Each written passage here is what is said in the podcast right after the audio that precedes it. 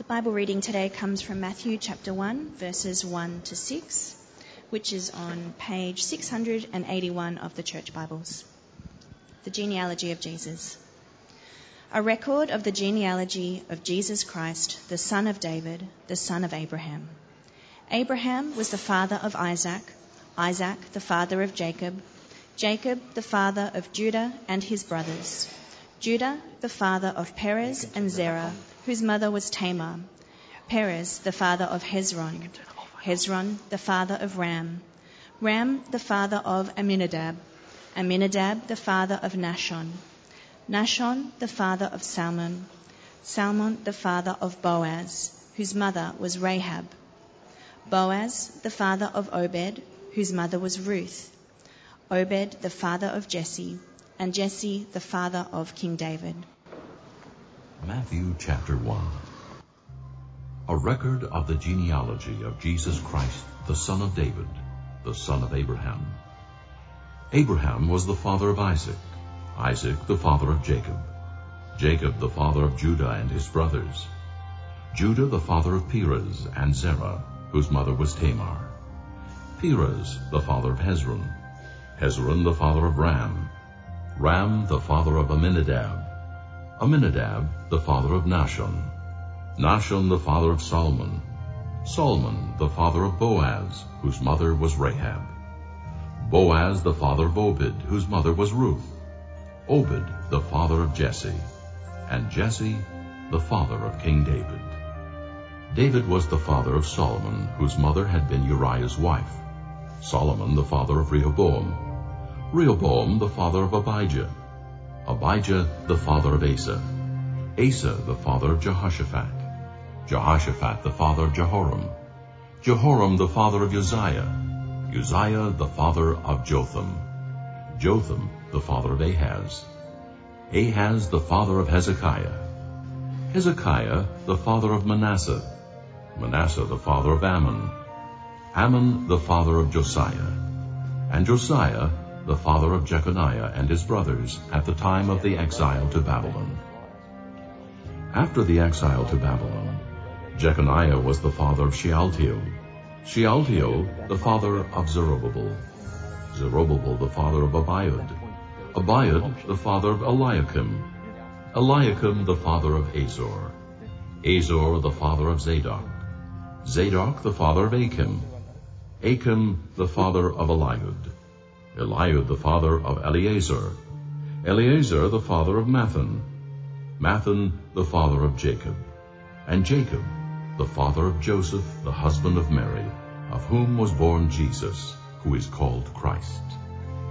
Thus there were fourteen generations in all from Abraham to David, fourteen from David to the exile to Babylon, and fourteen from the exile to the Christ.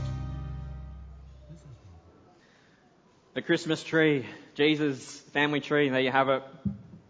Uh, looks pretty good like that, doesn't it? Uh, we thought we'd, we'd, spare Sarah from reading all those names, which she's probably uh, thankful. Uh, it's that time of the year, isn't it?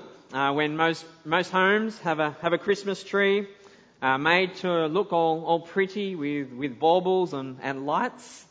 And uh, it seems like most of you have a have a Christmas tree in your home. have you wondered though why we have Christmas trees? Why do we have Christmas trees, and how how are they related to Christmas? Are, are they biblical in, in any way? Well, I went to Google and tried to, to find out some answers. Um, I couldn't, couldn't really find an answer here. Um, seems like it might originate from, from Europe, uh, where evergreen uh, fir trees or, or, branches, maybe not the, the whole tree, uh, were brought into the house uh, during uh, those the, the, darkness of the winter months uh, to try to bring some some life into the home. as a Christmas tree, might have originated in, in Germany in the 16th century. But the decorating with, with ornaments and all that sort of thing. Uh, do you know who's responsible for that? Well, you know, because you heard it at 8 o'clock this morning. But good, good that you were listening, Gordon. All right, tell everyone. The royal family. They're the ones who uh, we think are responsible. So you'll see in this picture, Uh, this is in Windsor Castle in 1848. Um, they decorated their tree, and then this picture was published, and then everyone else thought, oh, that's a good idea. I'll decorate my tree as well. So there's a theory on the Christmas tree and why it is all decorated. So as we approach Christmas, uh, the next few weeks, uh, we are going to be looking at Jesus' Christmas tree. Uh, from Matthew 1, uh, his family Christmas tree. Now you might think your family has some problems. Probably has nothing on what we're going to see here. Alright, so we're, we're, going to see that Jesus comes from a pretty messy family, uh, but he comes from a messed up people and he comes for a messed up people as well. So that's what we're going to look at over the next uh, three weeks ornaments of grace, faith, hope, and love from Jesus' family um, Christmas tree. Now, my guess is if, if you were to write a gospel, you probably wouldn't start with a genealogy, a nice long list of names. Probably isn't where you would uh, begin. Now, if I was to ask you, if you were to read this chapter to yourself, my guess is that a few verses in, your eyes might start to just skim down the list. And without actually reading all these names, you might skip a fair bit of it. Just, just a guess. Would that maybe right? Yeah. Now, we, we can lose interest in, in all these names. We, as we read it to ourselves, as we see it presented uh, like that going through the tree, I think that makes it uh, a little bit more interesting and, and easy to follow. But that's still a lot of names. And names we haven't even heard of most of those, have we? But they're important. And they tell us so much. They tell us so much about Jesus, uh, who he is, uh, where he has come from, uh, and, and also why he's come into this world. It tells us that Jesus is real. Uh, this, this is no fairy tale. This is no once upon a time. No, no, this starts a record of the genealogy of Jesus Christ. Right? This is, is grounded in history. Uh, he is part of a family that can be traced back all the way to Abraham. And therefore, he's not just part of any family, uh, but he's, he's part of God's family uh, and uh, the line of, of David. Now notice, have a look in verse 1 and 17. Uh, what, are, what, are, the three names that are there in verse 1 and also uh, in verse uh, 17? Abraham, David, and Jesus. That's what we're going to look at next week ornaments of hope. But what we see here is that the coming of Jesus, it's a, it's a continuation of the Old Testament story. It's a continuation of God's promises to bless all the world, uh, to graciously uh, redeem His people. And there are some names here that you wouldn't want in your family history right? You wouldn't want them there. Now maybe, maybe you've done some work, uh, some ancestry work and some work with your family tree and you, have gone back and, and you, you've looked at where you've come from and maybe you've, you've discovered some things, maybe some skeletons in the closet. Uh, and maybe if you were, were putting together your own, your own family tree, there might be some names there that you, you wish weren't part of your family. Maybe some people you're going to see this Christmas that you wish weren't. You, you can't do anything about that. Right? It's definitely the case here for Jesus. Yet these names are recorded here. They're, they're here. Some of them actually, they don't need to be here, but they are. They've been included. If you are writing your own family tree, you might be tempted to, to leave some names out. That's not the case here. They're here for a reason. And what we're going to look at there are five women who are here. I don't know if you noticed that with that long list of names. Five of them are women. Now that wasn't normal for genealogies back then to, to include uh, the women. But here we have, we've got Tamar, we've got Rahab, we've got Ruth, we've got Bathsheba, and we've got uh, Mary. Right? They're, they're gender outsiders. Sorry to say it, women, but they're gender outsiders for back then and genealogies. What else do you notice about these women? Well, three of them are Gentiles. Right? They're not even part of God's people, yet they're here in Jesus' family tree. So you, you could say they're racial outsiders as well. Do, do they belong? And three of them are involved in sexual sin. Right? They're, they're moral outsiders as well. Actually, all five of them uh, are questioned for their behaviour uh, sexually, um, suspected at least of doing wrong. Yet they're all here. Nothing's been hidden up. They're ornaments of grace. And that's what we're going to look at. Uh, so we're, we're, going to look a little bit more closely at each of these five women, uh, see why they're, they're, here, and see how they are ornaments of grace. Uh, so the first is Tamar, verse 3.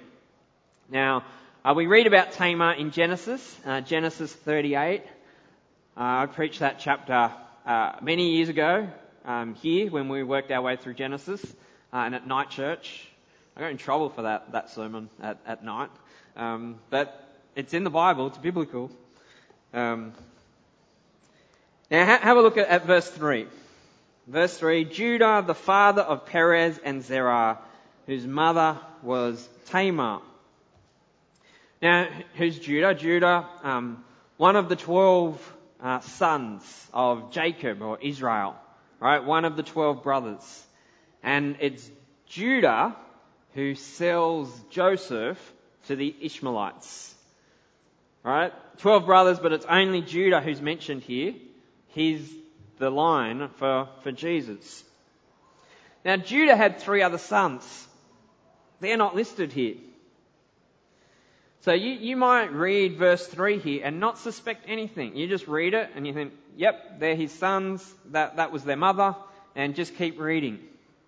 But if you know your Old Testament, and if you just dig a little bit deeper, not very far, you'll know that Tamar is his daughter-in-law. Tamar is his daughter-in-law. So this is wrong at um, so many levels. What does Tamar do? She disguises herself uh, as a prostitute and she tricks Judah into sleeping with her and she gets pregnant and they have twins. And those twins are Perez and Zerah. And from Perez continues Jesus' family tree. From, from Perez, the Messiah, the Savior of the world, would be born. That's pretty messed up, isn't it? like, what do we call that today? That's incest. That's what we call it today. And here it is. This is where Jesus has come from. Jesus comes from a messed up people to save a messed up people. And this is God's grace. Well, the next ornament is none other than Rahab. And who is Rahab? She's a prostitute. She's another Canaanite. So she's there in verse 5. She's here in Jesus' family tree. Why? What is Rahab doing here? Why is she here? You read about her in Joshua 2. So that's where God's people are coming into the, the promised land. Uh, Rahab, she uh, provides protection for the Israel, Israelite spies. So where she stays, her home is part of the, the wall. So she provides uh, a lodgement, placement, somewhere for them to stay. Uh, she, she's a bit of a God-fearer. And when Jericho falls, uh, her family is saved, uh, and she joins uh, God's family uh, as well. She doesn't actually need to be included here, but her name is here. She's, she's here by God's grace. And it is important because who does she give birth to? Boaz. Boaz, verse 5, is the father of Obed, whose mother was Ruth. And Ruth is another ornament of grace. Now, Ruth is a Moabite, uh, a poor uh, widow, uh, an immigrant field worker, uh, if you like. And she remarries. Um, so she meets Boaz, and during the night, uh, she lays down uh, at his feet, uh, arousing suspicions uh, for some people. Uh, they, they go on, they marry, and they have a son, and that son is, is Obed. And Obed's grandson is none other than David. King David. Alright? Ruth, she was a foreigner. She didn't belong. Yet by God's grace, she's, she's not only part of God's family, she, she's part of the, the line of, of the Messiah, uh, the Saviour of the world, because through her husband Boaz, well, Boaz, we only have Boaz because of Rahab. See how messed up this is? This is Jesus' family. This is where he comes from. Well, fourth, we have Bathsheba. But her, her name isn't even here. It just says Uriah's uh, wife.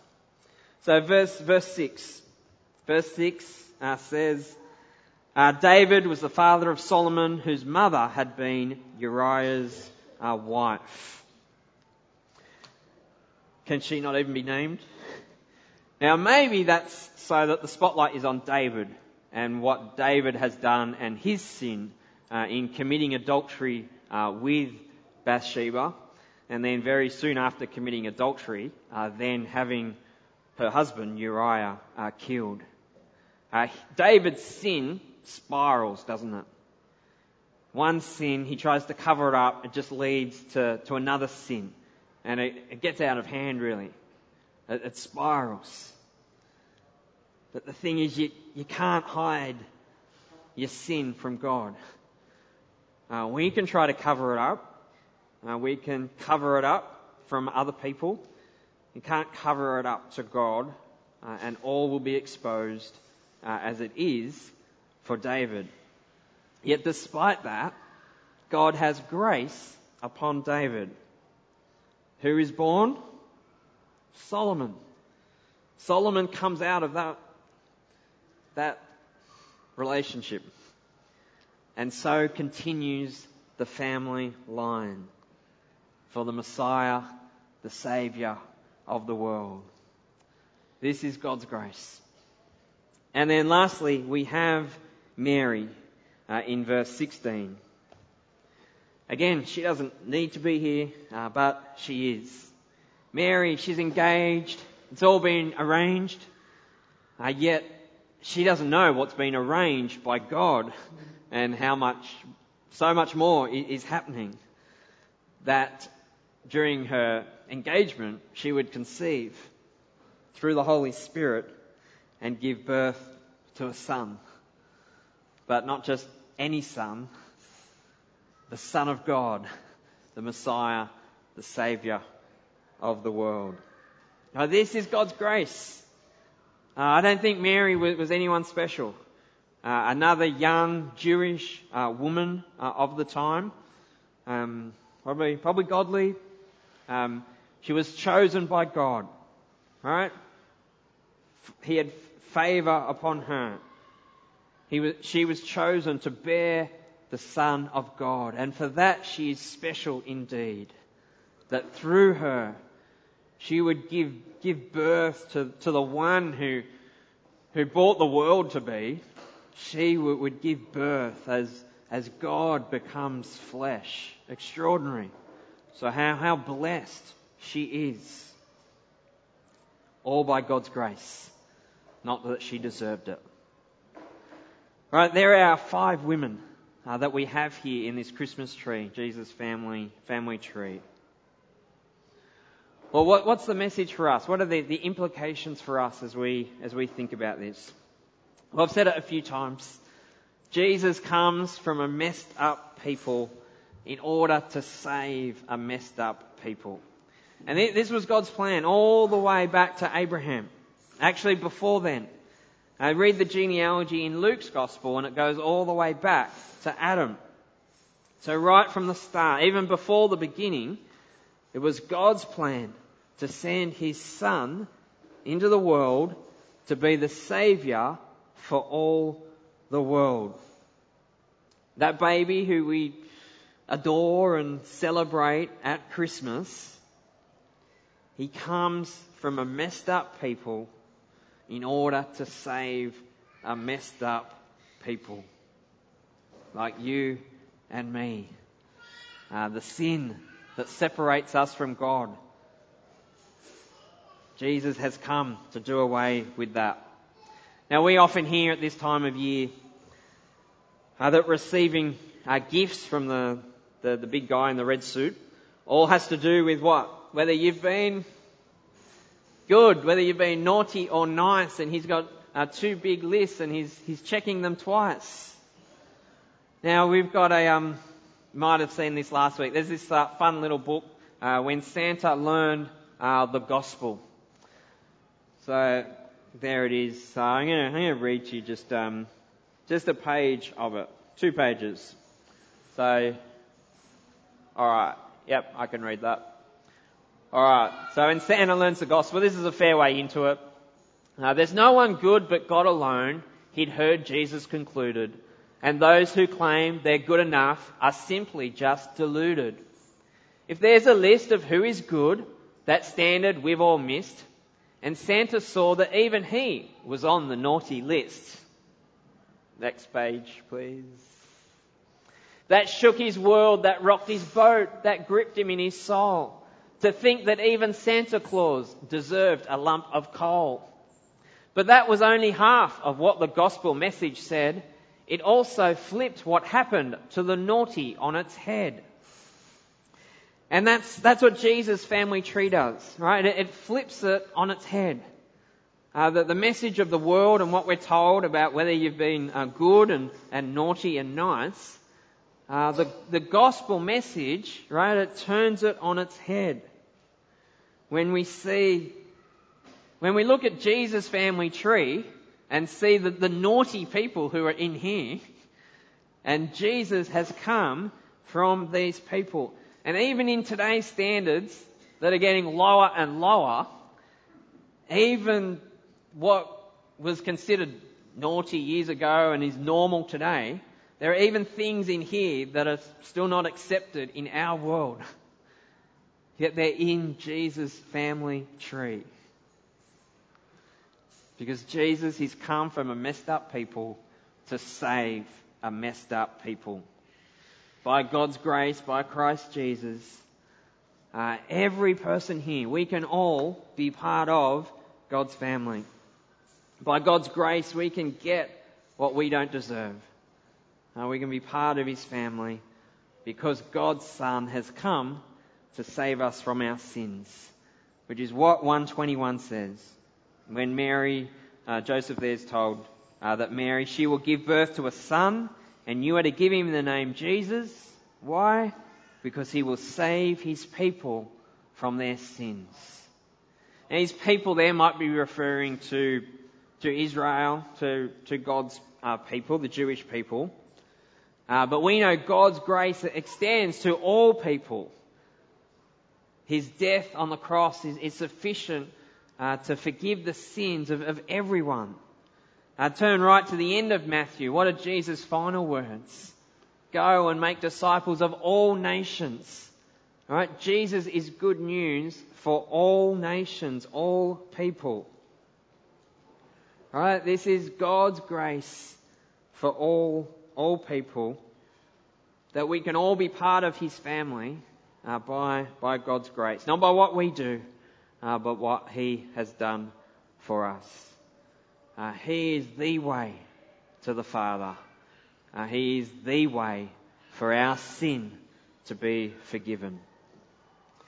And uh, putting our trust in Him, having our sin forgiven, we're part of His family. uh, and then we, we get to live as part of uh, his family. So the, the grace is, it's, in a sense, it's, it's free for us to receive, but it cost God so, so much. It cost him his son, died on the cross, uh, and it will cost us as well as we go on and follow him in our life. It is free to accept, uh, but it is costly in our life uh, to follow Jesus all the days of our life. So, four quick applications. Uh, firstly, rejoice. If you are trusting Jesus, uh, rejoice. Uh, rejoice that, that you are part of Jesus' family. And you mightn't be part of his, his family tree, uh, but, but we are part of his family. And secondly, don't give up on, on people you know who, who might have rejected Jesus. Those who are not yet believing. Don't give up on them. Keep praying for them. Keep trying to, to be a light to them. Try to share the gospel uh, with them. Um, you know, there are people in my family who don't believe, um, and I see some of them today. Uh, my niece, she just turned four a couple of days ago. She's going to get this book. I hope that goes down all right with the family. But Santa's there as well. Um, don't give up on people. God's grace can come upon them as well as it has us. And thirdly, remember that you don't have to be perfect to be part of God's family. Right? Just, just look at the people here in His family tree. None of us are perfect. We all have sinned. Jesus has saved us. So, fourthly, have you accepted the free gift of grace? And if you haven't, why? What is stopping you? It can be yours today. You don't deserve it. There's nothing you can do to earn it, but God has given us His Son. And it is there, Jesus is there for you to receive. So trust Him, have your sins forgiven, and be part of His family, which is everlasting. Let me pray. Loving Father, uh, may every single person here uh, know this grace, this grace of yours that we see in the Lord Jesus Christ, that is on offer uh, to every single one of us. Father, uh, rejoice with all of those who have accepted Jesus. And Father, I pray for those who are yet to do so, that you would pour out your mercy upon them today, that they would know salvation and be part of your family. Amen.